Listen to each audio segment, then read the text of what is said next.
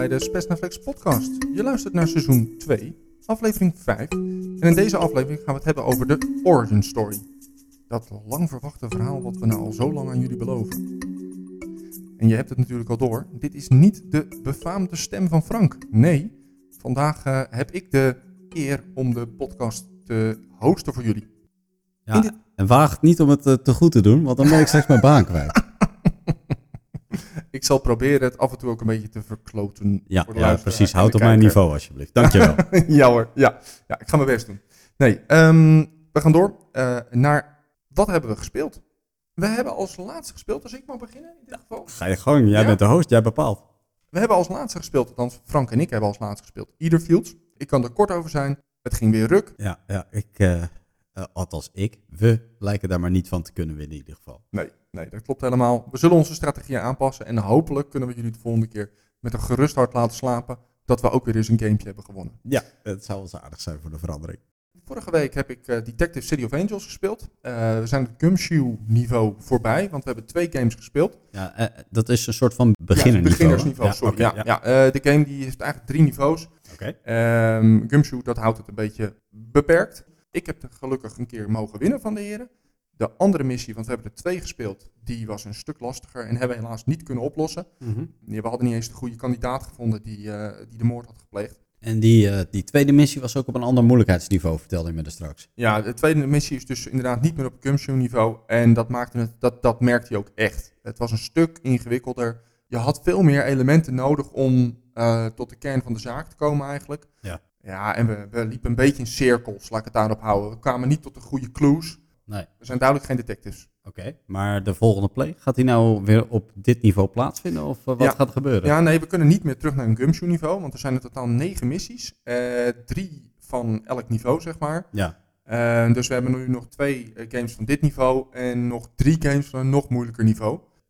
Dus ik vrees dat um, de volgende games zullen gaan spelen. En ik denk dat we dan gaan kijken naar of we hem nog op korte termijn nog een keer snel gaan spelen. Ja, ja dat je er lekker een beetje in zit. Uh, ja. ja, begrijpelijk. Oké, okay, nou tof. Wel een leuke game. Dus, uh, het is zeker een leuke game om, uh, om te spelen. Ik ben er de volgende keer graag weer bij als het even kan. Helemaal goed. Wat is jouw game? Ik heb Pandemic Legacy Season Zero gespeeld samen met mijn vrouw. We hebben februari succesvol afgesloten in één play. Dus dat ging eigenlijk wel van een leien dakje. Um, de game begint nu wel echt te leven. Dus de problemen beginnen zich op te stapelen. De game evolueert. En ik begin er nu echt in te komen, moet ik zeggen. Die eerste play was nog een beetje... Ja, wat gaat er gebeuren? Een beetje zoeken inderdaad. Het is toch weer net even anders dan de voorgaande delen. Dan heb je er nog niet zoveel gevoel bij. En ja, het, het, speelt zich af in de Koude Oorlog. Dus alles is ook een beetje flats qua kleur. Het sprak me in het begin niet echt heel erg aan, zeg maar, de look en feel van de game. Maar ik zit er nu weer in en ik uh, wil uh, bam meteen naar maart als het even kan. Ja, helemaal goed. Gaan we door naar het nieuws van de maand.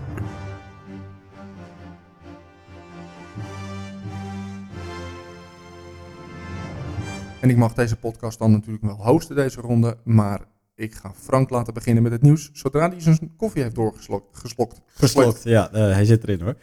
Ik wil het dus hebben over de grondstofprijzen. We hadden het uh, maand geleden al over de transportprijzen en het hele Suez-kanaal uh, debakel. En ja, nu moeten we de grondstofprijs er ook eens bij halen, want die zijn namelijk heel stevig in de lift. Papier, karton, plastic, maar ook bijvoorbeeld pallets worden allemaal fors duurder. En ik spreek uit ervaring, want ik werk zelf in de plastic industrie. En als je nu gaat kijken wat een kilootje plastic kost aan korrels, ja, dat is ongeveer verdubbeld ten opzichte van een half jaar geleden. Dus die, uh, die prijzen die gaan sky high. En ik hoor dat ook uh, van collega's in de papier- en kartonindustrie.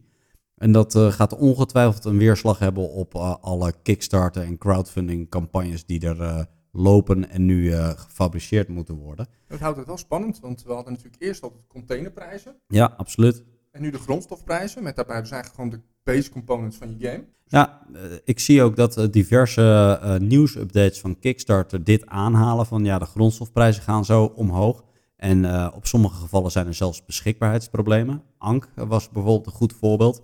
Ank die is op dit moment in production, een spel van Cool Mini or Not. En dat loopt vertraging op wegens beschikbaarheidsproblemen van karton in hun geval. Jo, ja, oké. Okay. Ja, dus uh, um, ik ben bang dat we het einde nog niet hebben gezien in het hele verhaal. En bij Cool Mini or Not houden ze van problemen. Juist, daar zijn ze goed in. Grossieren ze in. Had jij nog nieuws van de maand? Ehm, nou ja, ik heb een klein nieuwtje. Een klein nieuwtje. Een Nou, klein nieuwtje. Eh, dat is, ik word voor de allereerste keer vader. Ja, kijk eens. Ik, wi- ik wist het al een beetje. klein nu nog heel Ja. erg klein, maar Ja. dat wordt vanzelf groter, Dat is vanzelf groter, ja. ja. En als het net als, als mij wordt, dan wordt het nog een groot probleem ook. Eh, nu is het tijd om wijselijk mijn mond te houden. ik. hey, maar Wil, wanneer gaat dat eh, kleine probleempje komen dan? 5 december.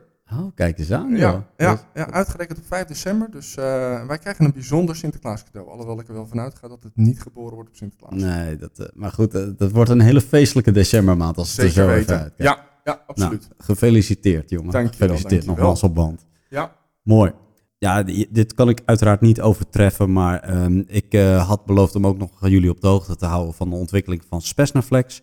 We zijn bezig om Spesnaflex te rebranden. We hebben een naam, we hebben een logo, we hebben een domeinnaam, we hebben een site in aanbouw. We zijn druk bezig met social media en alle eh, videobestanden, alle Ja. YouTube-bestanden waar William mee bezig is. Dus we zijn er heel druk mee bezig en ja, knuppel in het hoenderhok. Volgende maand moeten wij gewoon vertellen waar het op staat en waar we naartoe gaan. ja. Volgende maand krijgen jullie voor het eerst echt informatie. en geen teasers. Nee, nee, ik ben bang dat dan nog niet alles klaar is als ik eh, zie wat voor een enorme berg werk we hier weer mee op ons hals hebben gehaald. Ja, goed, we moeten gewoon eh, voortgang zien te bewaken. En eh, daarom gaan we het volgende maand revealen tijdens onze reguliere podcast. Hè? Ja, dus niet, de, de Niet de- crowdfunding campagnes, Nee. maar reguliere podcast.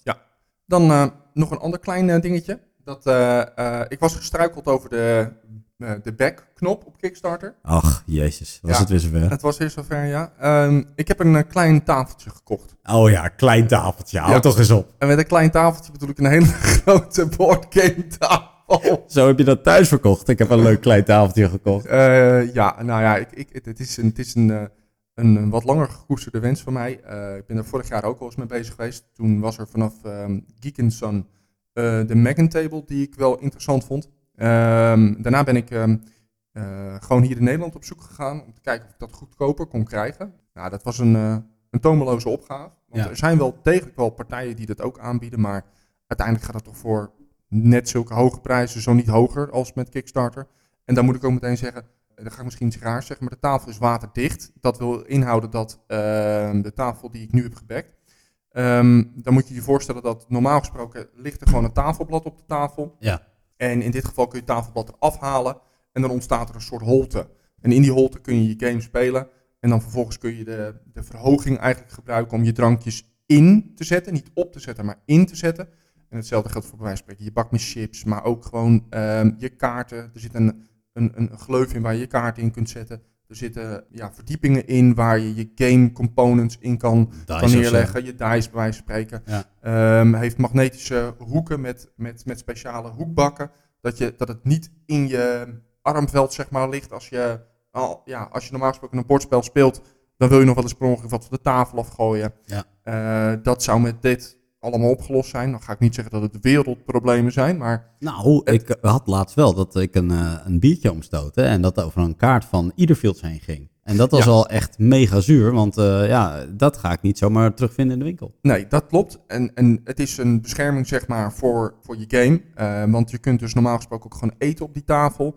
En drinken op, boven die tafel. En als dan eten of drinken omvalt, dan kan dat niet in die tafel komen. Want hij is waterdicht. Nou, dat is wat ik net al zei. Dat had ik ook geprobeerd te vinden in Nederland. Maar niemand gaf daar een vorm van garantie op. Oké. Dus eh, vandaar dat ik toch overstag ben gegaan. Ik heb de War Table gekocht. Die tafel is 125 centimeter breed bij 2 meter diep. Eh, dat is of eh, lang. Breed, denk ik. Ja, 125 breed, 2 meter lang. Oh ja, Ja, dat is een aardige tafel. dat is een grote unit. Dus, maar joh, tof. En wanneer komt die wel? In mei van volgend jaar zou die moeten, nou ja, ja, moet die vershipped worden. Oké.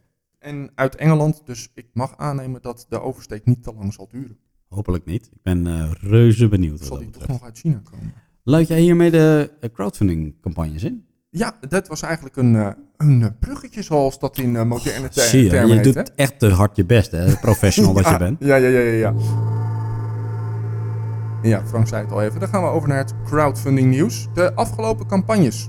Frank, help mij eens. Ehm, ja, dat kan ik wel. Eh, laten we beginnen met de V Commandos Deluxe, want die eindigt op 16 april. Een eh, stealth dungeon crawler van Triton Noir. En die game die haalde 678.000 Canadese dollars op.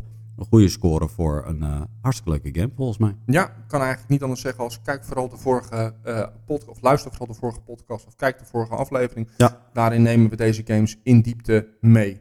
Absoluut. Niet uh, veel later eindigde ook Mythic Battles Ragnarok. Ja. Een skirmish battle game van Monolith Games. die vinden dus op 19 april. En die haalde, rapapapa, 2,4 miljoen dollar op. Een enorme bak met geld. Absoluut. Maar als je dan kritisch gaat kijken, Mythic Battles Pantheon, die uh, heel wat eerder dus live ging, eigenlijk wat deel 1 was voordat Ragnarok kwam, die haalde 2,6 miljoen op. Mm. Dus er zit een, uh, een teruggang eigenlijk in, in de gelden die men ophaalt met deze game. Ja, best bijzonder eigenlijk. En dan moet je niet vergeten dat je in deze game ook nog een keertje Mythic Battles Pantheon kon kopen. Dus Ja. de, de campagne van Ragnarok bevatte ook alleen maar de optie om Pantheon te, ba- eh, te backen. Ja, ik kan het alleen maar uitleggen dat hier meer concurrentie op is ontstaan op dit soort type games. En uh, ja, dat er gewoon heel veel te kiezen valt. Ja, en ik denk dat als jij de vorige keer de Kickstarter Mythic Battles Pantheon hebt gehad, Ragnarok was nou niet een, een, een must om daarmee uh, aan te vullen, laat ik het zo zeggen. Nee, geen must. Maar voor de liefhebber wel meer verdieping, denk ik. Dus ja, Ja. lastig. Oké. We gaan snel door. Monster Hunter World, ook afgelopen. Funded op 30 april en die haalde 3,4 miljoen pond op. Ja, heel kort gezegd, uh, ik was compleet verbaasd, want uh, voor de game zelf kreeg je al niet zoveel. Dat hebben we ook de vorige keer uitgelegd.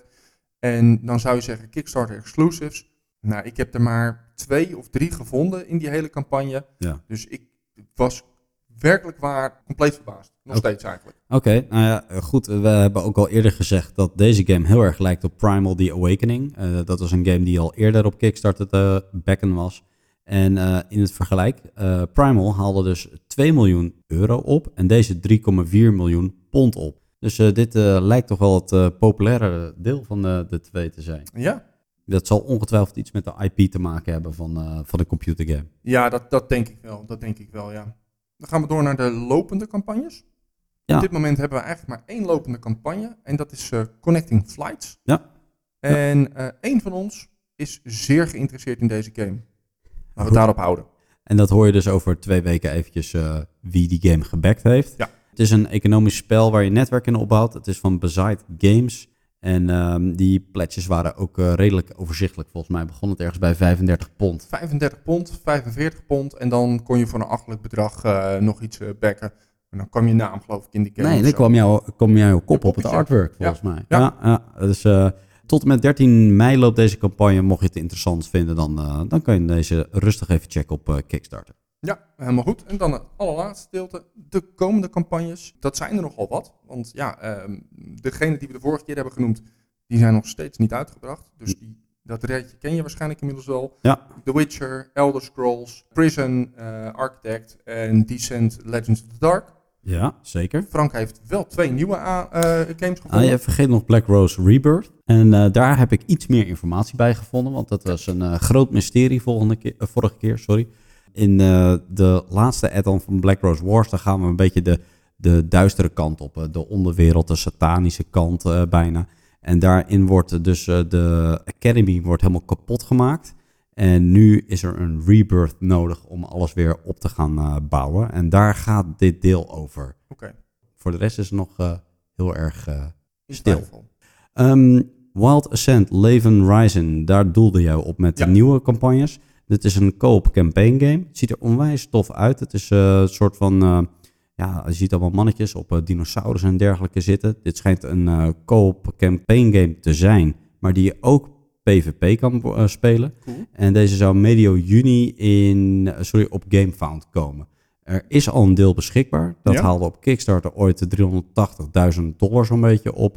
En dit is een eh, aanvulling. En als ik er naar kijk, dan wordt zeg maar het eerste deel ook heel erg positief ontvangen. Want dat is ergens recentelijk uitgeleverd naar de backers. Oké, Ook te komen is Slay the Spire. Geïnspireerd op een computergame. De computergame is een roguelike dungeon crawler. Wat eh, heel veel deckbuilding elementen in zich heeft. ja, dat zijn eh, precies de dingen die ik heel erg tof vind in computergames, maar zeker ook boardgames. Ja? Dus eh, ik kijk hier naar uit. Ik denk dat het een game is die zich niet goed laat vertalen naar een co-op campaign game. Ik denk echt dat het wel single missions of single playthroughs moeten zijn. Ja? En als hier voldoende variatie in zit, dan is dit een hele interessante. Als men dat niet weet te halen, dan wordt het denk ik snel een herhalingsoefening. En daar ben ik nog een beetje bang voor. Oké, nou dan heb ik nog één klein nieuwtje. En dat is ook voor eh, de snippet van de volgende keer. Dat is dat hij is eindelijk binnengekomen. Dat is Kijk. eh Zombicide Washington ZZ. En uiteraard de rest van Zombicide die ik heb gebackt. Een klein tipje van de sluier. Ook deze game gaat pas in de nieuwe format. eh, ga ik die laten zien met een unboxing video en wat playthroughs. Dus we hopen jullie daarmee in de komende periode te gaan vermaken. Jij teest die luisteraar en die kijken wel, hè jij? Ja, tuurlijk, tuurlijk, tuurlijk. Ah, Oké, nou, geduld, het gaat komen. Dan uh, nu even een huishoudelijke mededeling. Wij hebben deze podcast in twee delen uh, opgeknipt. Dit is het uh, tweede deel eigenlijk. Dit nemen we in een andere setting op dan dat we eigenlijk het, het hoofdonderdeel, de origin story, hebben gedaan. dat is afgelopen vrijdag geweest. Dat is in een iets informelere setting geweest. Met, met een, een biertje, biertje. erbij. Dat bracht de spraakwateren af en toe wat meer naar boven. Uh, wij hopen dat jullie er heel veel plezier mee hebben. Maar dan heb je misschien eventjes een beeld bij waarom het net even een andere setting is qua geluid en qua beeld. Uh, wij komen straks weer bij jullie terug met uh, de tips in dit format. Ja, uh, Spesnaflex. Ik denk dat we eigenlijk een stukje terug in de tijd moeten. Uh, een, een, heel stukje terug, denk ja, ik. ik denk een heel stukje terug, dan ongeveer 25 jaar. Uh, en ik uh, denk ook dat het uh, niet voor niets is dat Frank met een podcast bezig is. Hij is al eerder keer in de media terechtgekomen. Of in ieder geval met media bezig geweest. Want vroeger toen Frank nog een rebels jongetje was, was hij eigenlijk al bezig met columns schrijven. Oh, ja. En dat is eigenlijk een beetje hoe wij in aanraking zijn gekomen met het hele bordspelverhaal.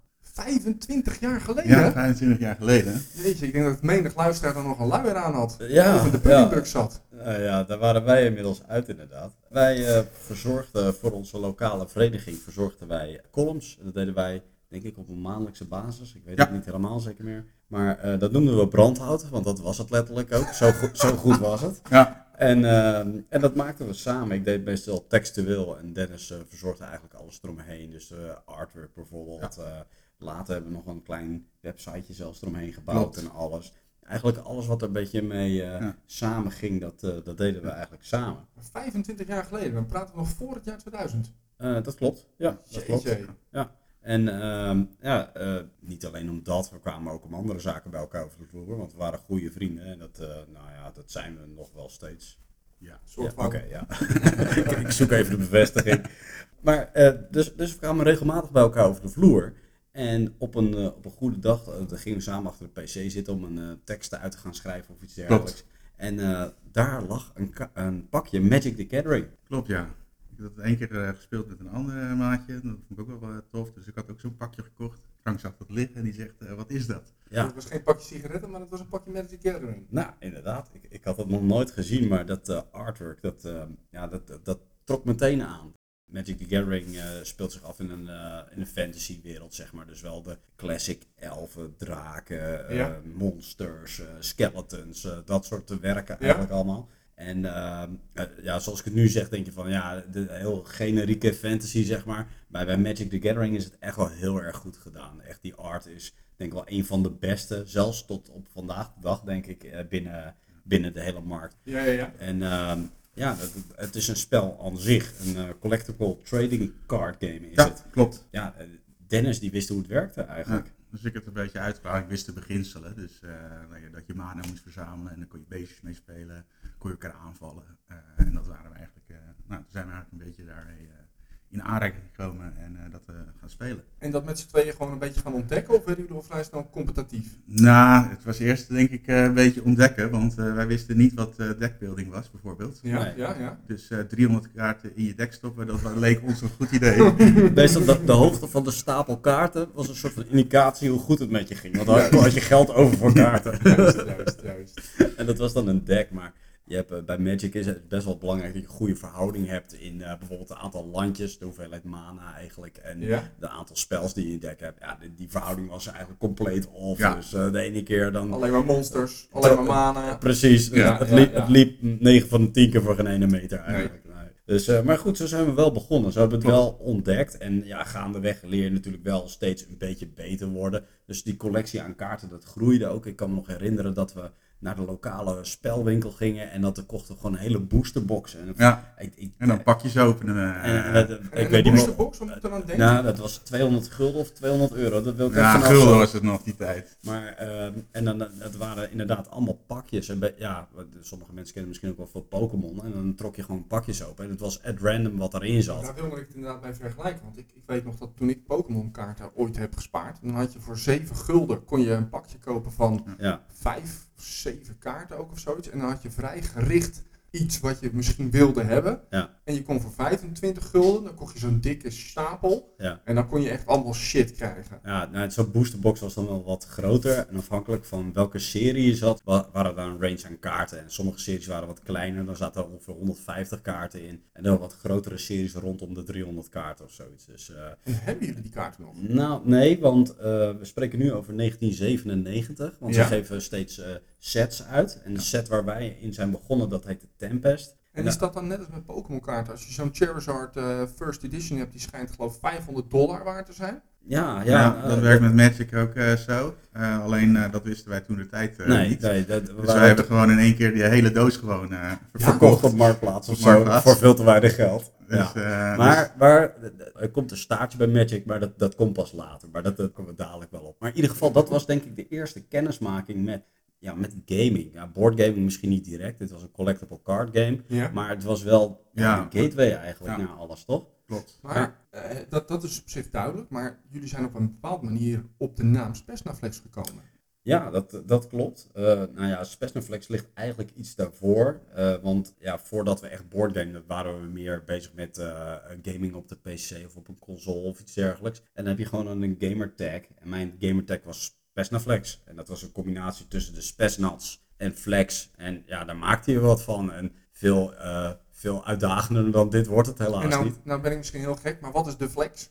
Ja, dat weet ik ook nog niet. Flexibel in welke game je speelt misschien. Oh, oké. Ja, ja, ja. ja, oké. En ehm, ja, op een gegeven moment wil je die naam registreren, je wil iets unieks op internet hebben. Nou ja, Ja. Flex was in geen velden of wegen te bekennen destijds nog en nu nog steeds niet overigens. Dus eh, dat was eh, op zich een unieke naam die makkelijk te claimen was.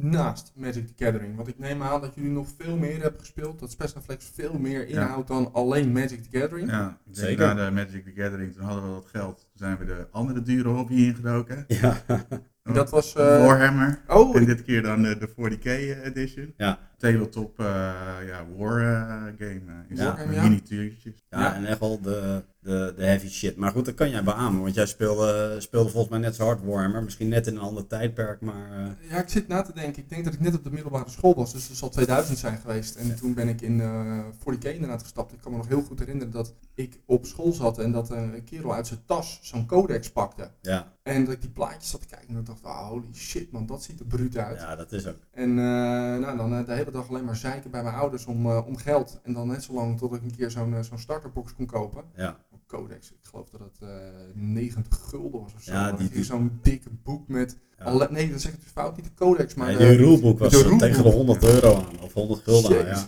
Ja, ik weet ook die starterbox volgens mij had je dan twee, twee legertjes in en een heel beperkt aantal puntjes, zeg maar. Een soort van, ja, je noemde het squad points waar je mee je leger bouwt.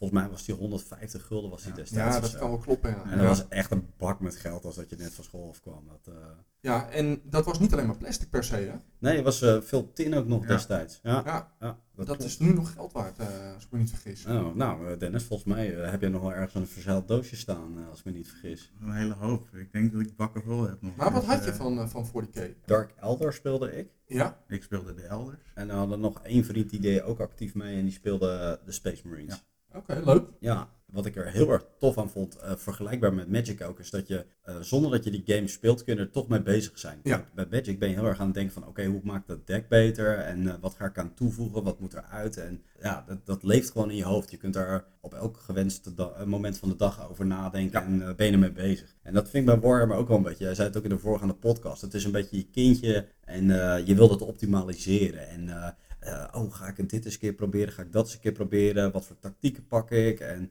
ja, zo. Uh, zo ja, en, naast het spelen was natuurlijk ook leuk, is dat je je hele eigen. Nou, je moet ze allemaal zelf in elkaar zetten. Ja. En daar kan je natuurlijk ook precies kiezen van, nou weet je wat, zeker met die plastic modelletjes, ja, zet ik het handje omhoog of zet ik hem uh, iets naar beneden. Dus je kan hem ook een beetje, een beetje customizen. Ja, en als je, als je al wat gevorderder was, dan knipt hij die armpjes kapot en dan, uh, dan knipt hij een stukje van een andere arm erop. En ja. dan, uh, dan kon je ze zo bruut maken als dat je zelf ja, wilde. Ja, nou dat was niet aan mij besteed. Zeker het schilderen niet. Oh, nee, het schilderen niet. Ik wou het gewoon spelen. Verschrikkelijk dus, lelijke dingen gemaakt.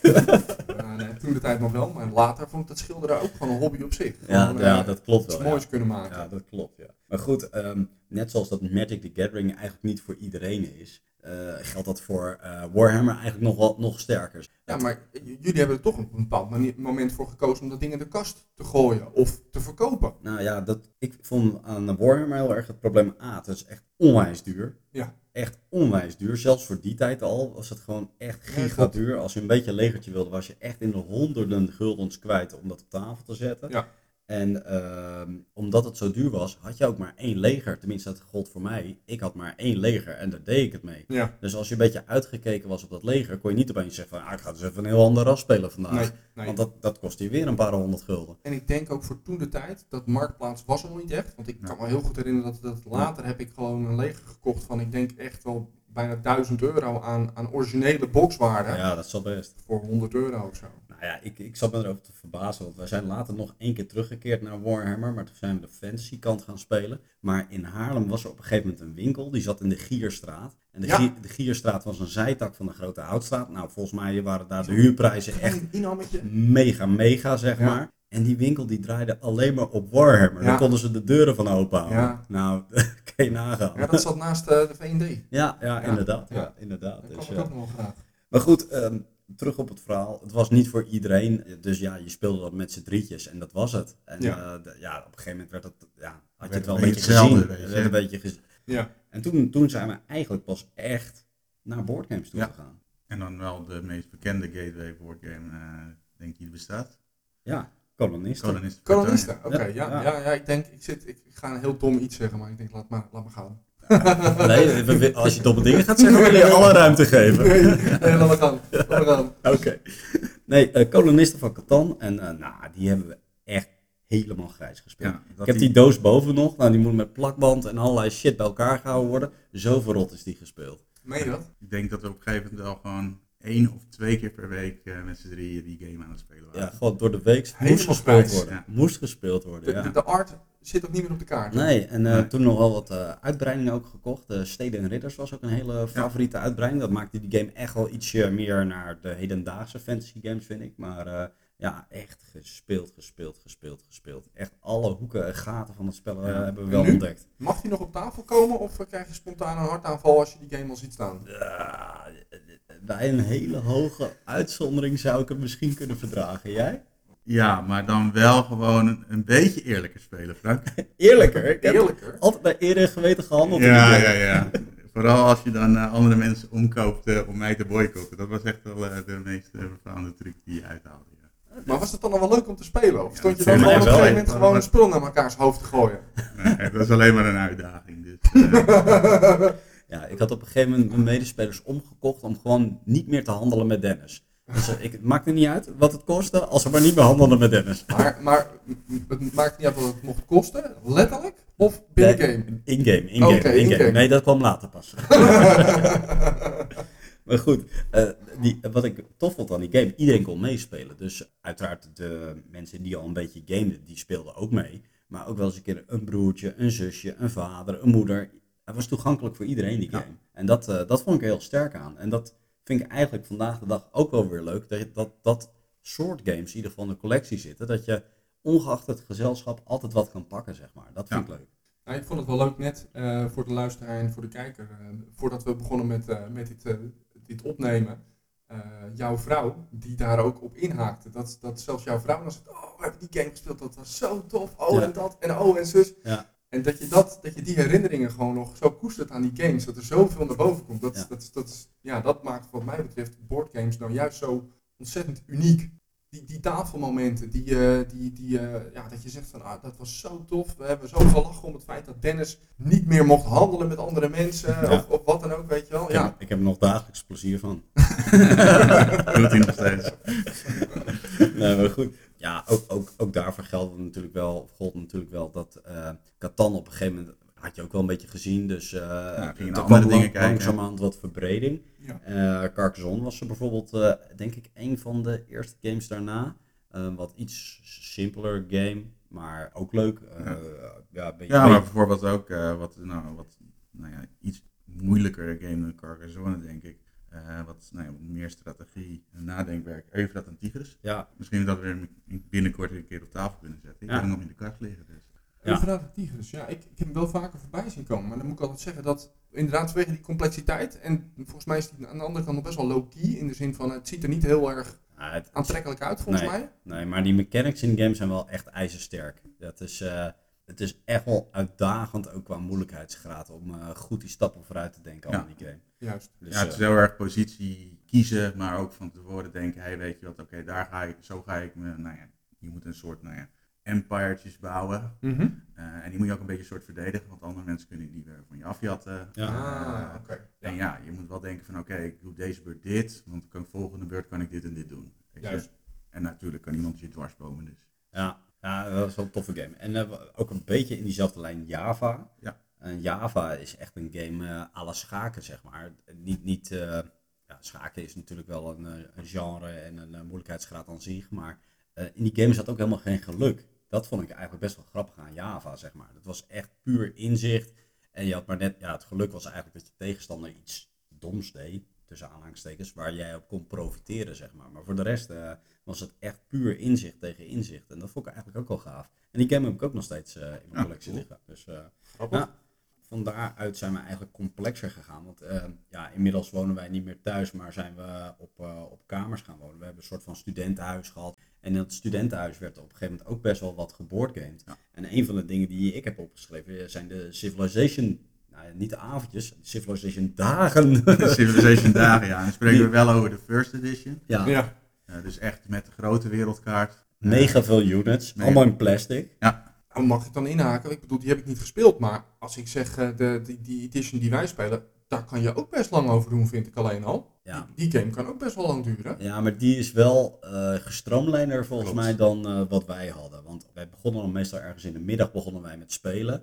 En je gaat daar vier tijdperken volgens mij door. Dus je begint bij de oudheid en dan kom je bij de middeleeuwen of zoiets. Maar op een gegeven moment heb je dan zo'n overgang in tijdperken. En ik weet nog heel goed dat je dan op een gegeven moment trebuchets kan bouwen. Ja. En die waren best wel powerful, zeg maar. Dat was een van de meest powerful units die je dan net in dat tijdperk eh, kon kopen. En iedereen ging daar volop, weet je wel. Dus Ja, iedereen leeg. kopen, kopen, kopen, kopen. Totdat er gewoon geen trebuchets meer waren. En dan had je een soort van standoff van nou, het hele bord vol met die dingen, weet je wel.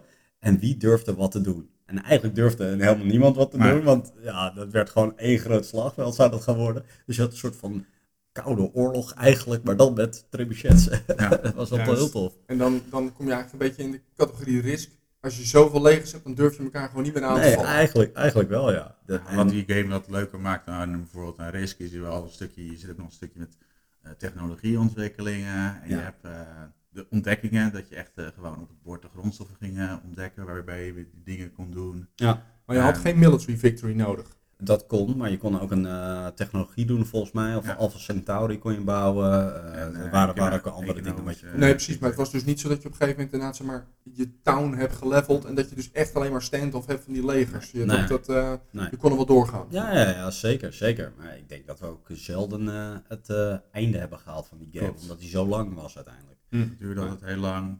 Kijk, natuurlijk, eh, alleen de, van de first edition tussen de second edition, dat doet de second edition beter, is bij de first edition was het het bijhouden van je, wat verdien je die eh, per beurt. Ja. Dat was echt eh, nou ja, Nog erger nog, dan- nog moeilijker. Ja, we moesten Juist. eigenlijk een opleiding boekhouden hebben gehad, zeg maar. Bijna wel, ja. Oké. Dus, eh, nou ja, en van daaruit grijpen wij weer terug naar Magic. Klopt. En dan ook best wel serieus Magic. Ja. Want dat is ooit begonnen met een wedstrijd in Amsterdam. Toen speelden we wel weer eerst tegen elkaar, gewoon oefenpotjes en zo. En die decks waren ook uh, conform de Magic regels, zeg maar, gemaakt. Hè. Wij speelden dan een bepaald type, dat heet Legacy. Mhm. En in, ja, in, even simpel gezegd, in Legacy mag bijna alles. Een paar kaarten uitgezonderd, maar in Legacy kun je eigenlijk alle kaarten kwijt die je wil gebruiken. En ehm, ik weet, wij gingen naar Amsterdam toe. Gingen we naar een van de eerste toernooien. Nou, wij waren helemaal nog geen toernooispelers of wat dan ook. Wij speelden alleen maar tegen elkaar en dat was het. Ja. Maar we gingen naar het eerste toernooi en we zijn totaal kapot gemaakt gewoon. Ja. Echt helemaal niks van over. Dan had ik ja, zelf dekjes ontwikkeld. Dat leek helemaal nergens naar. Naar de hedendaagse standaarden. Nou, dat, dat, dat kon echt ook geen weerstand bieden tegen Ja. wat daar allemaal aan tafel zat. Maar ben je dan ook uitgelachen of viel dat wel mee? Nou, ik- onderscheid die- community eigenlijk in twee typen spelers. Gewoon de spelers die het leuk vinden om te doen en het maakt ze eigenlijk niet zoveel uit. Dat zijn echt hele leuke mensen. En eh, er zitten ook wel hele competitieve mensen in. Dus eh, kom jij voor de eerste keer En je maakt eh, een fout, en dan je maakt gelijk fout. afgestraft. Nou, de- de- de- het is zo serieus zeg maar, dat er judges lopen, dus scheidsrechters. Ja. En nou, als jij een fout maakt, dan hebben zij het recht om een judge erbij te roepen van nou, hij doet iets verkeerd. En dat, dat, dat, daar kun je door eh, bestraft worden. Nou, krijg je eerst een waarschuwing en eh, nou één of twee, of twee of drie waarschuwingen. Dan word je eh, gewoon, Dan is die game verloren, pech. ja, je ja, game zo. verloren. En die hele competitieve mensen, die zaten er zo in. En dan, ik vind, eh, ik, ja, het was niet echt toegankelijk voor iemand die een soort van intrede deed in die toernooistructuur, Nee. zeg maar. Van oké, hoe werkt het? En echt meteen Dus dan ben je er ook gewoon uitgestuurd. Nee, maar ik weet ook nog de keer dat we in Arnhem waren, was ook een van de eerste keren. Dat ging Ja. ook naar een toernooi in Arnhem. En nou ja, ook met eh, nou ja, onze nog eh, nou ja, beginnerdekjes. En dan was het wel fijn is als je de eerste twee rondes gewoon verloor. Ja. Dat je dan gewoon bij de, bij de, nou de losers, ja, bij de losers losers pool terechtkomen. gewoon. Want die, hadden, die kwamen in ieder geval voor de fun, weet je. Ja. Ja, ja, ja, En dan kon je in ieder geval nog gezellig een, eh, een babbeltje maken en gewoon een gezellig potje spelen. Ja. Nee, dat is waar. j- jij zegt dat, maar ik heb natuurlijk een tijdje Warhammer gespeeld. Ja. En, en ook nog wel eh soort van serieus, want ik deed dan ook wel toernooien. Maar dan Mhm. deed ik altijd wel toernooien ehm, met een groep mensen die dat dan ook ja, een soort gezapig organiseerden. Dan ging ik Mhm. naar Landsmeer en dan was daar een of ander achteraf zaaltje, weet je wel. En dan, en dan zaten we daar met een mannetje of eh 10, 15 of zo, Ja. waren we die games aan het spelen. Maar jullie gingen echt naar landelijk georganiseerde toernooien. Zo klinkt het wel, man. Nou ja, Ar- Arnhem was denk ik het meest, eh, het verste zeg maar in Nederland. Ja. En we zijn één keer naar een, eh, een WK gegaan. Dat was in Gent. Dat is eh, ergens rondom het jaar 2000 geweest volgens mij. Inmiddels waren wij wel echt geëvolueerd tot eh, behoorlijke Magic spelers. Ik zal niet zeggen goed, maar we wisten wel donders goed hoe het werkte. We hadden ook fors geïnvesteerd in kaarten. Een deck in Magic bestaat uit 60 kaarten mainboard, 15 kaarten sideboard, dus totaal 75 kaarten. Nou, ik heb even mijn oude decklijst erbij gepakt. En ik ben eens gaan tellen op Magic Card Market. Dat is een soort van trade platform waar je die kaarten kunt kopen en verkopen. Als ik dat deck vandaag de dag moet kopen, zou het ehm 2400 euro kosten. 60 kaarten. Zo, ja, Ze- 75 dus eigenlijk net. Nee, 15 nee, ik heb alleen de mainboard had Alleen ik de mainboard? Alleen de mainboard had ik even gedaan. Dus, ehm, en dat klopt ook wel. Kun je toch beter gaan Warhammer als ik het zo hoor. Eh, nou ja, goed. Dus daar zat echt inmiddels wel veel geld in. En eh, En, bij- bij Magic houden, houden de kaarten in ieder geval nog wel echt een beetje de waardes. ja, dat klopt. Ja. Ja, want echt sommige kaarten die zijn gewoon, nou ja, dat zijn echt gewoon hele goede kaarten. En die komen natuurlijk ook vanuit, eh, nou ja, niet het jaar nul, maar eh Wel Ook vanuit de richting, eh, beginjaren. beginjaren komen ze eruit. ja. Hey, en, en Die zijn gewoon eh, schaars. om daar nog eens op terug te komen, want ja, kijk, we hebben het nu hele tijd over Magic, maar ik, en ik weet dat het iets met, met, met Dungeons Dragons-achtige situaties zeg maar, te maken heeft. Hè? Dat zeg ik Dungeons Dragons, maar uh, riddertjes en dat soort dingen, hè? begreep ik net even uit. Ja, ja, een beetje, beetje die sfeer heeft het in ieder geval. Maar ja. kan, heb je een soort klasse of zo? Of, of kan, kan iedereen gewoon een soort kaarten in zijn hand hebben die, die bij spreken geen verbinding hebben? Ja, ik, ik denk dan heel erg aan in Warhammer, hè? of in een, in een soort linie waarin je zit. Hè? Ehm, Dark Elder, Dark Elder of wat dan ook. Of, Ja, Nou, je hebt eigenlijk dus meer, je hebt eh, vijf eh, soorten magie. vijf Ja. kleuren. Vijf kleuren. Ja. Eh, en daar heb je dus eh, kaarten zoals dat heet dan landjes. Nou, elk landje kan een mana opleveren aan, van die kleur. Ja. Eh, waarmee je dus ook weer naar kaarten die in die kleur zitten kan betalen of een combinatie daarvan. Juist. Ja, nou, meestal kies je dan voor één of twee, hooguit drie kleuren. die het gezamenlijk gespeeld. Ja. en daar, nou ja, dat karakteriseert ook wel een beetje je deck. Dus je kan zeggen, blauw was echt een soort uh, magie. Control meer. Ja, control. En groen is dan weer echt zo'n zo'n hunter, zo'n aggressor. En rood was bijvoorbeeld dan wat meer vuur en uh, ja, nou fireball op je dak. Ja, maar het, het, had dus wel een soort karaktereigenschap, ja, hè? ja, zeker. Oké, cool. in principe, Magic is, je bent allebei een planeswalker, lees een magier, zeg maar. Ja. En ehm, met mana kun je allerlei spells casten of beesten summonen. En het is de bedoeling om die 20 levenspunten van je tegenstander zo snel mogelijk op nul te brengen. Ja. Er zijn wel andere manieren op te winnen, maar dit is de meest gebruikelijke. En uh, ja, dat is wat jouw potje gewoon deed. Hey, en dan als laatste voor mijn idee. Um, zit er nog een verschil tussen de sterkte van die schools? Zag je dan bijvoorbeeld op zo'n toernooi veel meer mensen in rood lopen of een geel dan, dan, dan een andere kleur? Nou, ik ben wel van mening dat blauw wel een van de sterkere kleuren is. Uh, blauw was wel vaak een verbindingskleur binnen een deck, Nou zeg maar. Het is ook voornamelijk is wat op dat moment een beetje de meta is. De meta Ja. is eigenlijk een beetje de pool van nou ja, het Meest gespeeld. meest gespeelde. Nou ja, je had toch altijd de decks die altijd een beetje op elkaar leken. Er zaten wel wat variaties in, maar ja, eh, dan eh, wist je bijvoorbeeld, oké, eh, dit is eh, een control deck. Of dit is eh, een OTK en een OTK is een one-turn kill deck. Ja. Ja, ja, ja. ja. Ja, het klinkt nu heel professioneel, maar wij waren in Gent. Dat weet ik nog heel goed. Dat hadden we Dennis voor zijn verjaardag gegeven. WK, dus dit, dit was het summum. Hè. Meestal kwamen die WK's niet zo dicht bij huis. Dan moest je nou Rusland of weet ik veel, Amerika of nou, van alles en nog wat. Maar in, in Gent, dus wij, wij waren daar naartoe. Gent was al helemaal volgeboekt, dus we hadden een hotel hadden we in Leuven, hadden we allemaal geregeld en zo. Ja. En naast dat hotel zat Café Den Ezel. Ja, en ik weet nog, van, ze hadden van tevoren gezegd, zaterdag is het toernooi, moet scherp zijn. Ja, dus fit, laten we gewoon fit. eh, het, eh, het, rustig aanhouden. ja. Ja, Het was heel rustig op het toernooi. we zijn gezwicht van de charmers van de ezel.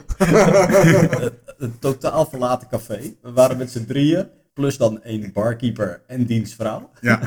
En die, die vrouw, die, dat was al een verloren avond voor haar, dus die zat gewoon de onderbroeken te vouwen in het café. Oh, echt? Die zat de was te doen.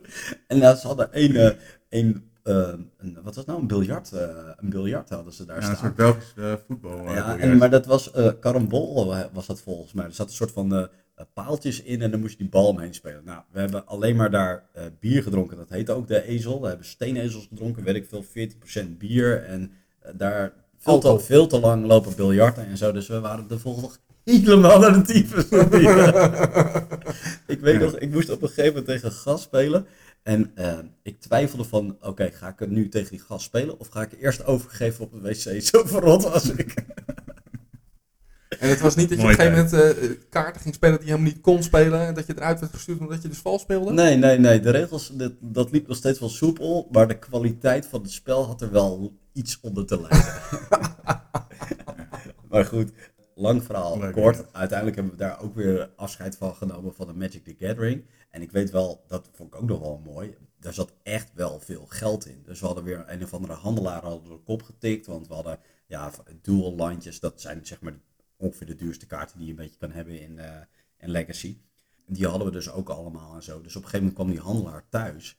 En eh, nou, ja, die moesten naar de kwaliteit van die kaarten kijken. Want het is net als met stripboeken. Als hij in mint condition is, dan is hij meer waard als dat hij helemaal verrot gespeeld is. Mhm. Dus die ging dat zo'n beetje kijken en zo en alles. Nou, oké, prima, de deal was rond. En hij ging mij contant betalen.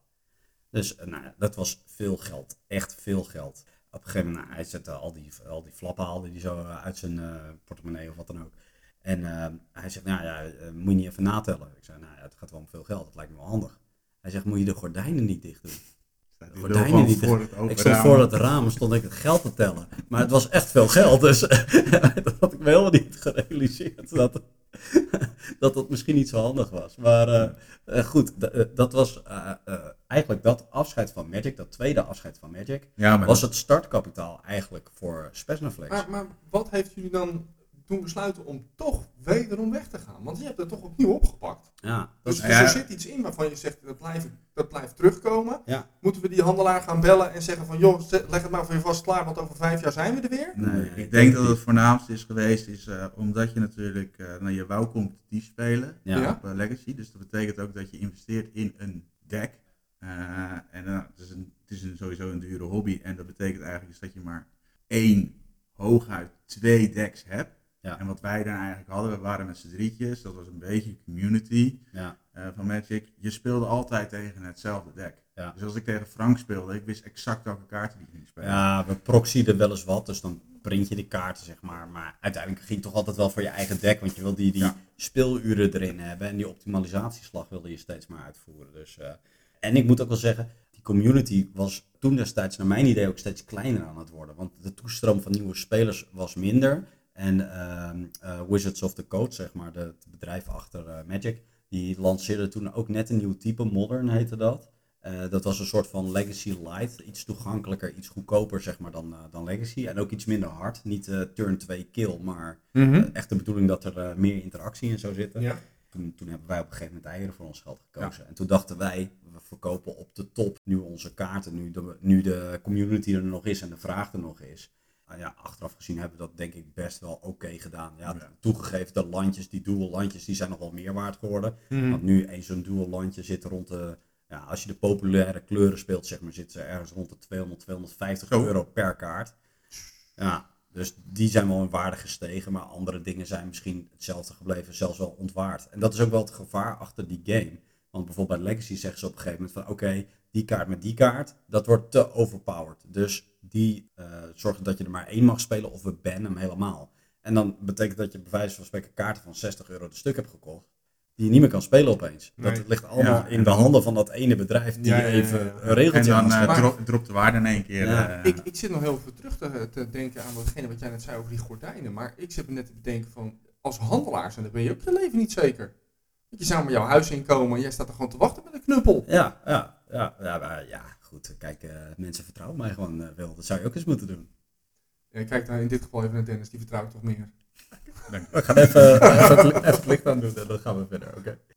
En dan gaan we door naar het volgende deel van het verhaal. Want na Magic the Gathering, jullie hebben het verkocht, je bent bijna in elkaar geslagen door die verkoper. En toen? Ja, toen moest er toch weer een hobby komen. Ja, dat is eh, weer eh, Warhammer geworden, maar dit keer de fancy eh, versie. Ja. Jezus, jongens. Dus Warhammer keer- Fantasy. Dus, Ja. dus je was eerst voor de, voor de dure dame gegaan en toen dacht je van, nou die kan ik niet meer betalen, ik ga nu maar voor de goedkope. Nou, ook fantasy is niet echt heel goedkoop. Maar, Nee. maar ja, ik, eh, vind eh, fantasy iets minder, ehm, iets minder hard of zo. Zeg maar. Fantasy is ook wel een soort van fun zit er doorheen. En 40k is wel echt gewoon strategie, hard en that's it. En, en ik weet nog bij fantasy ook bijvoorbeeld dat je de Skaven. Ja, bij de Skaven kon het ook wel eens misgaan. Dan ontplofte je geweer en dan had je zelf een probleem. En dat soort grappen zaten er een beetje doorheen eh, geweven, vond ik. Ja, dat, dat ben ik helemaal met je eens. Dat is wel een van de dingen dat ik super vet vond aan fantasy. Ja. Wat, wat, wat me aan de andere kant ontzettend irriteerde aan fantasy, was de magic. Dat, ik, ik kwam natuurlijk ook van 40k af. Ja. En toen ging ik ook fantasy spelen. En dan ja, staat één mannetje en die gooit een of andere vortex midden in jouw leger, weet je. Dan denk je, alles weg. Oké, ja, spannend, weet je wel. Dan, de- de- de- oh, dat, dat, en dat mannetje, dat zat er ook nog eens in een troep met andere mannetjes. Dus je kon hem niet specifiek op hem mikken. Ja. En als je dan een keer een spel goed gooide, dan kon je een save gooien op dat mannetje. Dan ging er iemand vrijwillig voor liggen. Ja. En dan, ja, weet je, dat, dat vond ik wel heel, heel jammer aan die, aan die game. Maar Nou ja, kijk, dat was denk ik gewoon met Warhammer. Die regels waren niet helemaal goed of zo. Het was niet helemaal balanced of het was misschien ook te massaal om het helemaal goed te krijgen. En da- daarom is het denk ik ook een beetje kapot gegaan uiteindelijk. Want nu, volgens mij, eh, Games Workshop, de eigenaar van eh, Warhammer, ja, die maakt eigenlijk niet meer de Warhammer zoals dat wij hem nu hier beschrijven, zeg maar. nee, het is nu Age of Sigmar geworden. Ja, En eh, dat is, lijkt veel meer op 40k. Het Ja. is ook helemaal gericht dat je eigenlijk nu nog maar een paar stukjes plastic koopt. En niet meer hele legers koopt. nee, het is onbetaalbaar geworden. ja, het is onbetaalbaar geworden, maar ze hebben het ook eh, zo gemaakt. Want je kunt nu, ehm, eh, hoe minder plastic je op het veld speelt, eh, zet, hoe, beter eigenlijk. Hm.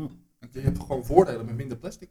Nou ja, goed, eh, we zijn daar ook niet zo lang Nee, bij ik heb gebleven. eh, gespeeld. Ik heb het eh, zelf nog wel eh, met nog wat anderen in Haarlem eh, gespeeld. Ja. Fantasy vond ik wel leuker als eh 40k, omdat het, eh, nou ja, Nou, eh, sorry, maar jij hebt Wood Elves, jij hebt Ogres, jij hebt Vampire Knights. Eh weet je nog meer? Of, en eh, Skaven. oh, Skaven had je ook Ja. nog. Vier legers, hè? Ja, Vier ja. legers. Ik heb ze allemaal nog in de opslag. Ik heb ook. Vampire Count, ik heb ook Skaven en ik heb Empire. Dus ik had er ook drie. Ja, hier zo. Ja, ik heb het Ja. niet zo heel serieus gespeeld. Ik heb alleen de halve winkel leeg gekocht. Ja, maar ik heb voor de rest ook niet zo serieus Nou, gedaan. we hebben het niet zo heel vaak gespeeld, eh, omdat het gewoon eh, heel veel tijd eromheen kost. Ja, ja en op, toch opnieuw tegen diezelfde stenen gestoten. De toegankelijkheid naar andere spelers is Mhm. nog steeds Ja. slecht. Ja, En- maar we zijn eigenlijk een beetje, al een beetje in die, altijd een beetje in die categorie eh, gebleven. Want volgens mij eh, zijn we toen een beetje naar de, de dungeon crawler uh, toegegaan. Oh ja, dat De klopt. Descent eh, First Edition Hmm. hebben we toen nog zitten spelen. Ja, inderdaad, ja. Dat was, nog, dat was eigenlijk onze eerste echte campaign game volgens mij. Ja, en er was ook nog met dat er één iemand dedicated dungeon master moest zijn. Ja. Dat is wel een soort van ouderwets. Ja. Maar ik weet ook nog dat jij een keer een eigen story eh, in Descent hebt gemaakt. Ja, geprobeerd ja. Ja, Dus, dat vind ik wel leuk om er wat creativiteit eh, in kwijt te kunnen. Ik weet nog niet eens meer of dat nou heel erg geslaagd was, ja of te nemen. Ja, maar ik, ik zit heel even tussendoor. Ik zit te denken, Descent, dan zie ik gewoon een bordspel voor me. Ja, dat is het ook. En, en ik hoor hier toch een soort van dungeon eh, eh, master en, en Descent, D&D eh, game. Descent is een bordspel. Alleen je speelt een aantal heroes in een, in een squad, zeg maar. Ja. En die spelen tegen de Dungeon Master. En de Dungeon Master heeft een, eh, een vast aantal vijanden. Dus de ene keer kan hij met skeletons spelen. En de volgende keer heeft hij alleen maar spiders. En Hm. zo is het elke keer wat. Die heroes die proberen een bepaalde quest te halen. En die Dungeon Master die probeert het alleen maar te verhinderen. En ja, het is een beetje welke Dungeon Master je tegenover je hebt. De ene die wil eh, jou gewoon een leuke avond bezorgen en boeit hem niet zoveel. En de volgende is weer heel competitief en eh, Die die, wil wil, winnen. Ja. Dus ja, dat is ook heel bepalend voor of je een leuke avond hebt, ja of nee. Maar het heeft wel iets een klein beetje weg van eh, D&D, waarbij het bij Descent of dat soort gelijke games is, dat het wel een beetje in een alvast voorgedefinieerd verhaal is gegoten. Ja. Dus het is niet dat een Dungeon Master complete vrijheid heeft over de storyline. Nee, nee, nee. nee. Nee. Het is en je meer hoeft het ook niet, eh, controleren van de enemies. Ja, en je hoeft ook niet een karaktertje te spelen. Voor, voor mijn idee, hoe kun je dat controleren dan? Of iemand je zit te naaien? Of die dungeon master je al dan niet zit te naaien? Nou ja, de regels zijn redelijk, eh, redelijk duidelijk. Dus bijvoorbeeld eh, als hij met spiders speelt, om maar dat voorbeeld te pakken. Die spiders kunnen maar bepaalde dingen. Dus Ja. ze kunnen niet opeens een hit van 10 wounds slaan, zeg maar. Want Nee, dat kunnen ze gewoon niet. Ze kunnen jou stunnen, ze kunnen zoveel lopen, ze kunnen een attack doen van dit. Als ze een critical doen, dan doen ze misschien 3 wounds in plaats van 2. En that's it. Het enige verschil is wel tussen een fun Dungeon Master in deze game en een competitieve eh, Dungeon Master. Een voorbeeld is, er staat een ogre op tafel.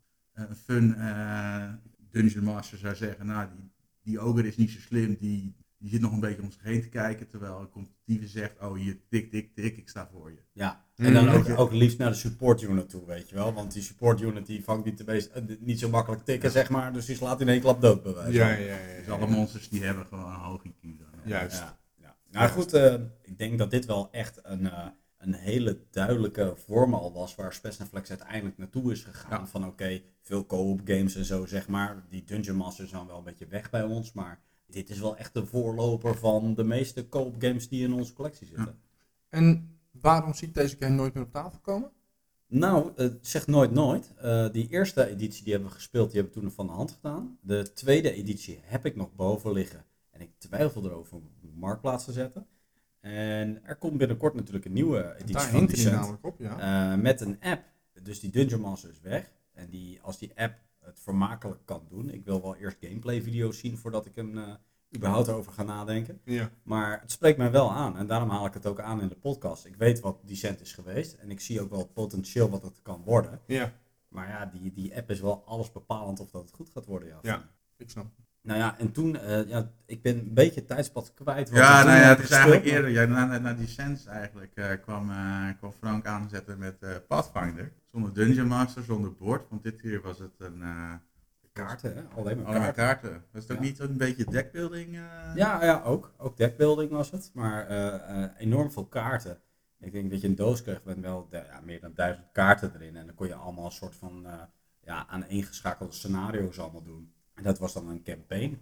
Ik vond het wel heel erg, uh, jouw woord, repetitief. Dus uh, ja, alles leek een beetje op elkaar. Je kon een movement actie doen en dan kwam je weer bij een test. En de test kon zijn een monster verslaan. En dan moest je dan dobbelstenen gooien. En dan gooi je dan, weet ik veel, tien. Dan was het goed. En de volgende keer kwam je bij een pit trap uit. En dan moest je overheen springen. En dan moest je een dexterity check doen. En dan moest je een 8 halen. Dus het was steeds movement, check, movement, check, movement, check. Wat ik hier wel heel grappig aan vind, is eigenlijk, je, je bent net van volgens mij best wel een, een, een heavy game naar opeens een entry-level game gegaan. Nou, ik vind Pathfinder absoluut geen entry-level game, moet ik zeggen. Pathfinder stond nog op de lijst met de gateway games. Nee, nee. Pathfinder hebben we besproken in de apps De game apps. Oh, in de game apps, dat was Ja. hem. Ja. ja. Nee, nee, ik vind het zeker geen entry-level eh, game. Want het is best. eh, ni- niks is gelijk. Bijna alles is uniek in die game. Je moet best wel wat dingen bijhouden. En eh, waar die game erg zwak in is, is dat er best wel veel modifiers in zitten. Dus eh jij hebt een zwaard en die heeft dan plus 1 dit. En als je dan wat bij discard, dan krijg je nog eens een keer plus, plus x nog eens Mhm. een keertje. En dan mag je nog 1d4 extra gooien. En ja, jezus, op een gegeven moment zie, overzie je het allemaal niet meer. Omdat er zoveel modifiers en eh Ja, rerolls ja, op moment werden de karakters ook wel een beetje eh, OP. Ja, Wat ik wel sterk vond aan die game, en dat was de eerste keer dat ik het, eh, nou ja, het meemaakte in dat soort eh, spelmechanismen, is, is dat eh, je deck was ook je health. Dus, ja. Ja, dus als je op een gegeven moment door je kaarten heen was, dan had je ook gewoon geen Ja. dus nou ja, health of stamina. Dat was eigenlijk wel gewoon de Nou ja, dat zie je nu in Gloomhaven, zie je dat bijvoorbeeld. Eh, eh, The Seven- Witcher? Seventh Continent, The Witcher die daar aankomt. Dus het zijn eh, spellen die eh, dat voorbeeld nog steeds gebruiken. Ja, Ja. ja, klopt. Ja, absoluut. Ja, en, en, en wat ik denk de heel noemenswaardig vond, want ik vond dit, ja, dit waren een soort van tussenperiodes, weet je wel. Eventjes heftig spelen en dan eh, daar toch wel weer snel afscheid van nemen. Wat we wel een hele tijd hebben gespeeld, naar mijn idee, is eh, Star Wars X-Wing. Ja, ja, we konden die, eh, die tabletop games eh, toch niet laten liggen. Nee, ik, ik, ik zit er ook weer naar te kijken. Ik denk, jeetje, weer zo'n grote tabletop. Weer plastic verzamelen. Ja, maar ik, ik moet zeggen, ik, ik heb geen spijt van dat ik dit ooit heb weggedaan. Want eh, dit was, er, hier zaten zeker ook wel wat mankementen in in die game. Maar dit klopte voor mij wel echt heel erg goed hoor, die game. Alles was eh, pre-painted, dus als je het op tafel zette, het zag er perfect uit. Ja. Je had nooit gezeik over wel of niet in range, zeg maar. Want Ja. het waren allemaal gewoon stokjes die erbij zaten. Dus je zet een stokje voor een stukje, dat stukje verplaats je naar de andere kant van het stokje. En dat was het. Ja. Dan hadden we nog een heel fancy lasertje, zeg. die trok een soort van lijntje of dat iets wel in line of sight lag of niet. Ja. Ja, voor de rest een paar dobbelsteentjes gooien en dat was Ja. het. En wel, wel die eh, construction, die zat er wel in, weet je wel. Dus je kon wel van tevoren altijd nadenken van, oké, wat voor leger ga ik maken? Welke units ga ik combineren? En ga ik dat vliegtuig gewoon uitrusten met torpedo's? Of zet ik er wat anders op? Of, weet ja, je wel, dus, dus dus het was niet zozeer zoals met Warhammer. Je hebt een leger met, eh, met 25 verschillende type mannetjes. Nee. Hier heb je misschien vier type eh, schepen, maar je Ja. kan hem uitrusten met 30 verschillende vormen van wapens en Ja. armor. Ja, Ja, je ik hebt denk- weer, hetzelfde. Je spreekt van tevoren een aantal punten met Ja. elkaar af. Ja, En binnen die punten kon jij zeggen, nou, ik zet dit type vliegtuig er neer en deze upgrade zet ik erop.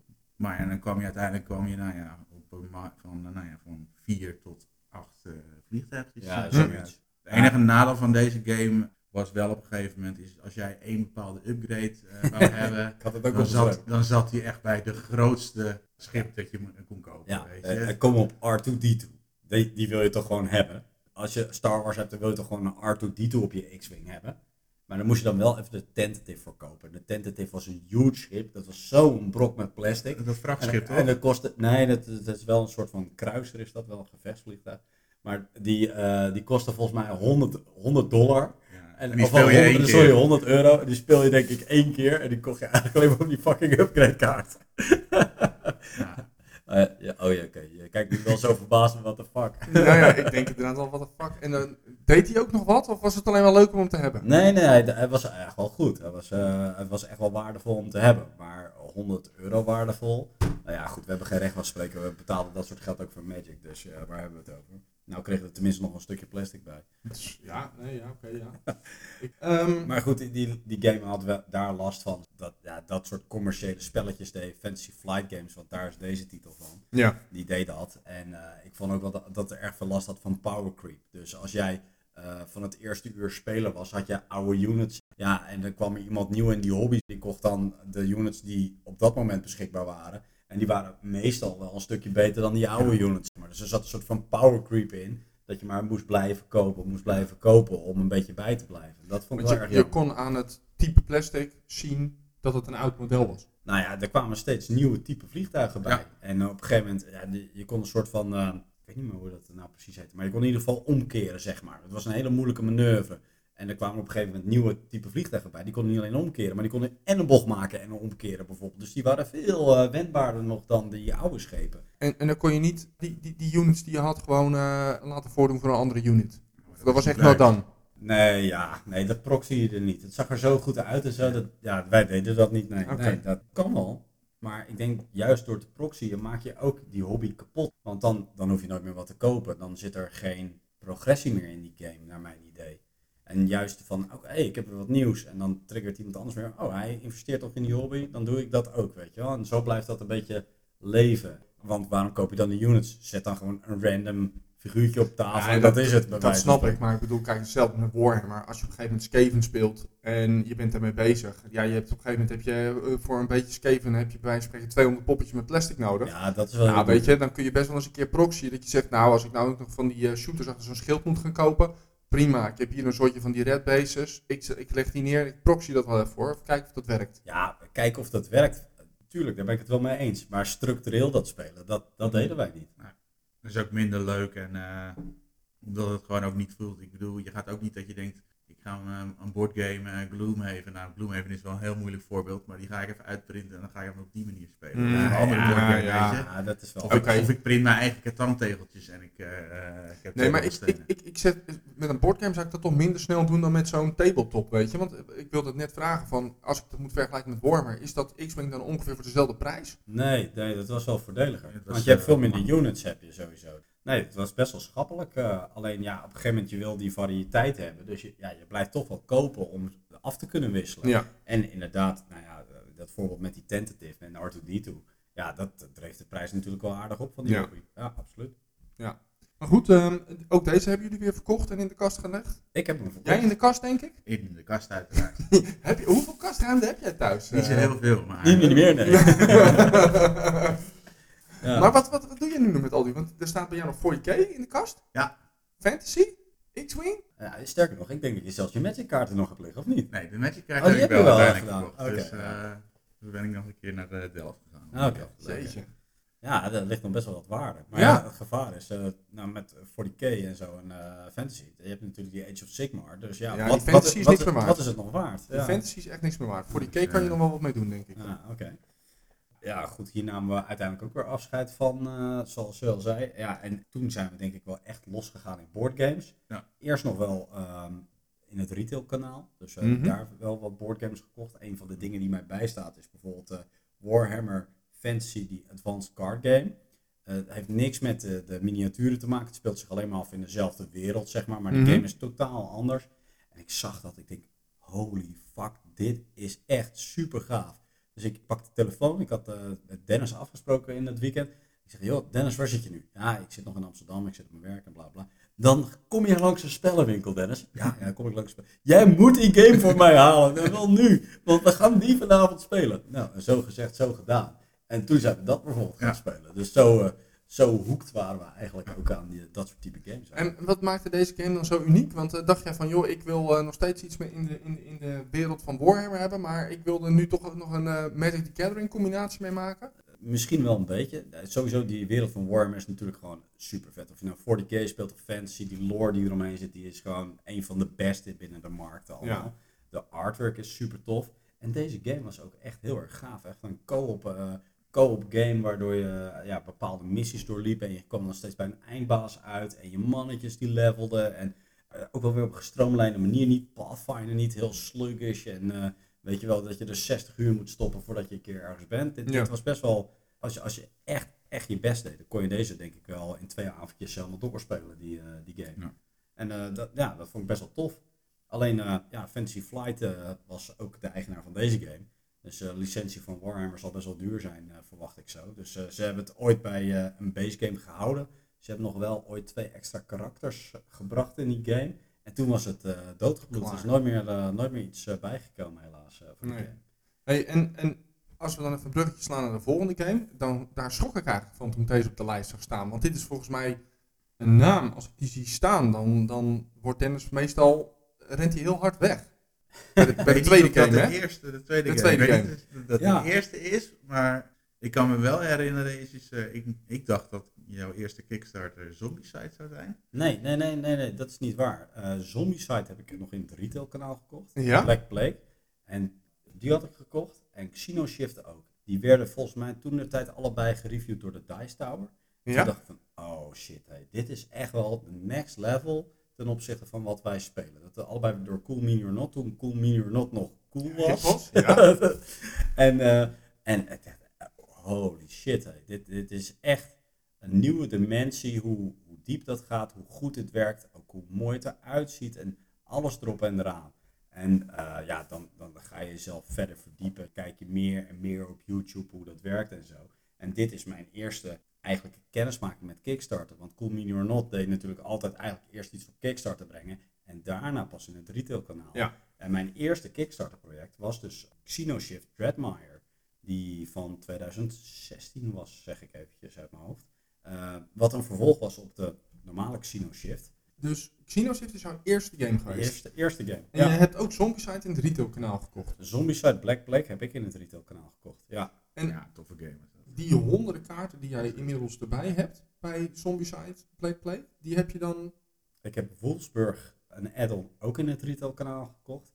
En toen heb ik Green Horde, heb ik gebackt op Kickstarter. Dus al die extra kaarten die jij hebt, want jij hebt er naar mijn idee heel veel als het gaat om deze Zombicide, ja. die komen alleen maar van, Black, uh, van, van, van de Green Horde. Uh, Kickstarter exclusive. Voornamelijk wel, ja, Green Horde en uh, dan een beetje Wolfsburg erbij, zeg maar. Jo. Ja, maar ja, dat was echt in de tijd dat Cool Mini or Not nog echt heel veel waarde in hun game stopte. Voor 100 dollar kocht je een goede game.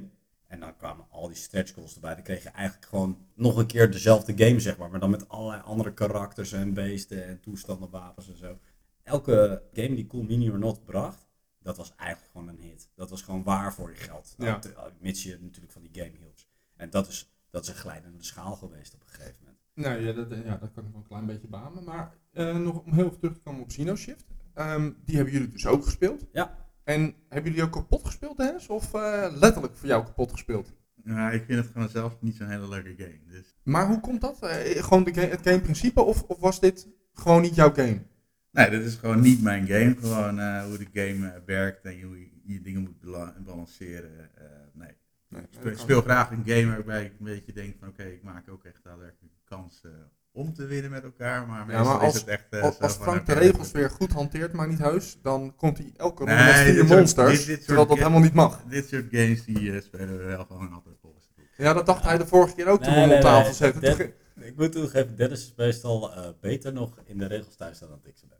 Maar um, terug op dit verhaal. Dit, dit is dus eigenlijk wel de lange weg naar uh, de hedendaagse structuur van Spesnaflex en alle games die daarin huizen ja, de meeste hebben we afscheid van genomen. Een aantal dingen zijn nog wel, uh, bestaan nog wel. En ja, dat is hoe die interesse eigenlijk is ontstaan in de huidige collectie en waarom we het tof vinden en waarom we dit doen. Goed, dan hebben we nog uh, een aantal tips voor jullie. En uh, dan laat ik Frank beginnen met de allerbeste tip. Oh, daar heb ik weer een fijn stukje audio klaarstaan. Oh jee.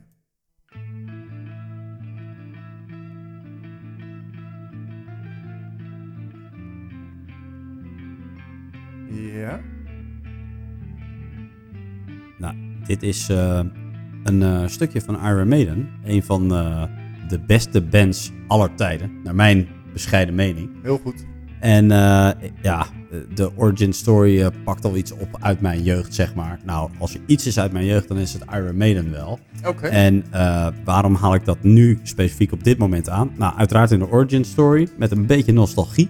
Maar volgend jaar gaat Iron Maiden optreden in het Gelredome. Ik heb dat ooit één keer eerder mee mogen maken. Dat was een super gave beleving. Zelfs als je niet van deze muziek houdt, is het een spektakel alom. En uh, 27 juni 2022 staat deze Frank staat er weer bij. er zijn nog kaarten, dus mocht je geïnteresseerd zijn, dan zijn er nog zitplaatsen beschikbaar. En dan uh, moet je naar beneden zwaaien, want dan sta ik daar uh, beneden. Nou, niet in de pit, maar wel te genieten met een pilsje van uh, deze rockende mannen. Helemaal goed, helemaal goed.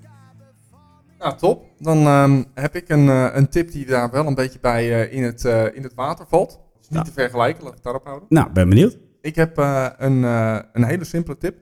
En die is ook een beetje afgezaagd. Namelijk, wij houden wel een beetje van, van binge-watchen, van series kijken. En Susti had op een bepaald moment de serie Divorce ontdekt. Oh jee, dat, uh, dat is toch geen voorteken, mag ik hopen? Nee, het zal geen voorteken zijn, maar ik moet zeggen dat, ik, ik, weet je, Nederlandse series zijn altijd een beetje, nou ja, uh, het, het, kan best leuk zijn, maar, uh, en, maar ik moet zeggen, ik heb met, van deze serie heb ik echt gelachen. Het gaat over drie mannen die uiteraard in scheiding liggen. Ja. of in ieder geval de deur uit worden getrapt en daarna gaan scheiden. ja, het is gewoon, ze komen van het ene moment in het andere moment. er zit een man bij die wil heel graag zijn vrouw terug. Nou ja, misschien willen ze het alle drie een soort van. Ja. de ene heeft een vrouw die wil per se zwanger worden en het wil maar niet lukken. Oké. en daar wordt die vent zo gek van dat hij van haar wil scheiden. De ander die heeft, een, uh, die heeft een probleem, die gaat alleen maar vreemd. Zijn vrouw wil van hem af. En de ander heeft als probleem dat zijn vrouw vindt hem niet aantrekkelijk genoeg. Want hij is niet vaak genoeg boos. En zijn vrouw die valt op dominante mannen. En hij is niet dominant. Oké. Dus zijn vrouw wil van hem scheiden. Ja. En ja, het, zijn twee, het zijn drie totaal verschillende types. Drie totaal verschillende mensen. Ze worden in een huis getouwd. En nou, ik kom eigenlijk een beetje in Franse studententijd, denk ik, terecht. Eh, drie verschillende mannen in één huis. En uh, je maakt ze maken de raarste dingen mee. Het kan alleen maar goed gaan natuurlijk. Nou, het is echt, ik, ik vind het humor tot de max. Ik, ik lig elke aflevering, kan ik gevouwen liggen. Helaas stopt het een beetje abrupt. En dat komt omdat een van de spelers uh, niet zo heel erg goed, geloof ik, in die acteursgroep ligt. Oké. dus het einde, dat komt net niet helemaal lekker uit. Maar het zijn vier seizoenen die ik echt met heel veel kijkplezier heb gekeken. En waar heb je het gekeken? Ook deze heb ik overigens inderdaad op Videoland gekeken. Videoland, oké.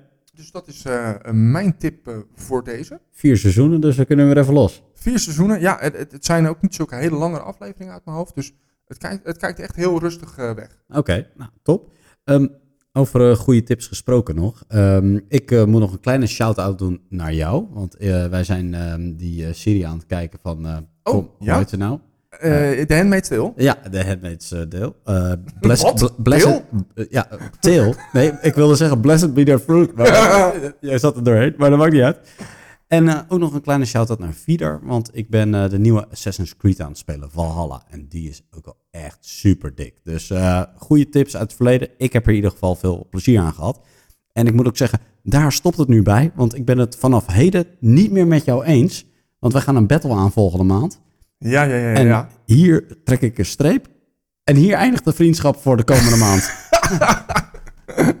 ja, dat snap ik wel, want jij weet nu al dat je gaat verliezen. Nou, ik weet het uh, goed gemaakt. Um, de volgende keer hebben we dus nog één keer een uh, crowdfunding special met elkaar. Vooruit dan maar. Maar dan werkt nog één keer een beetje samen, maar daarna is het echt klaar.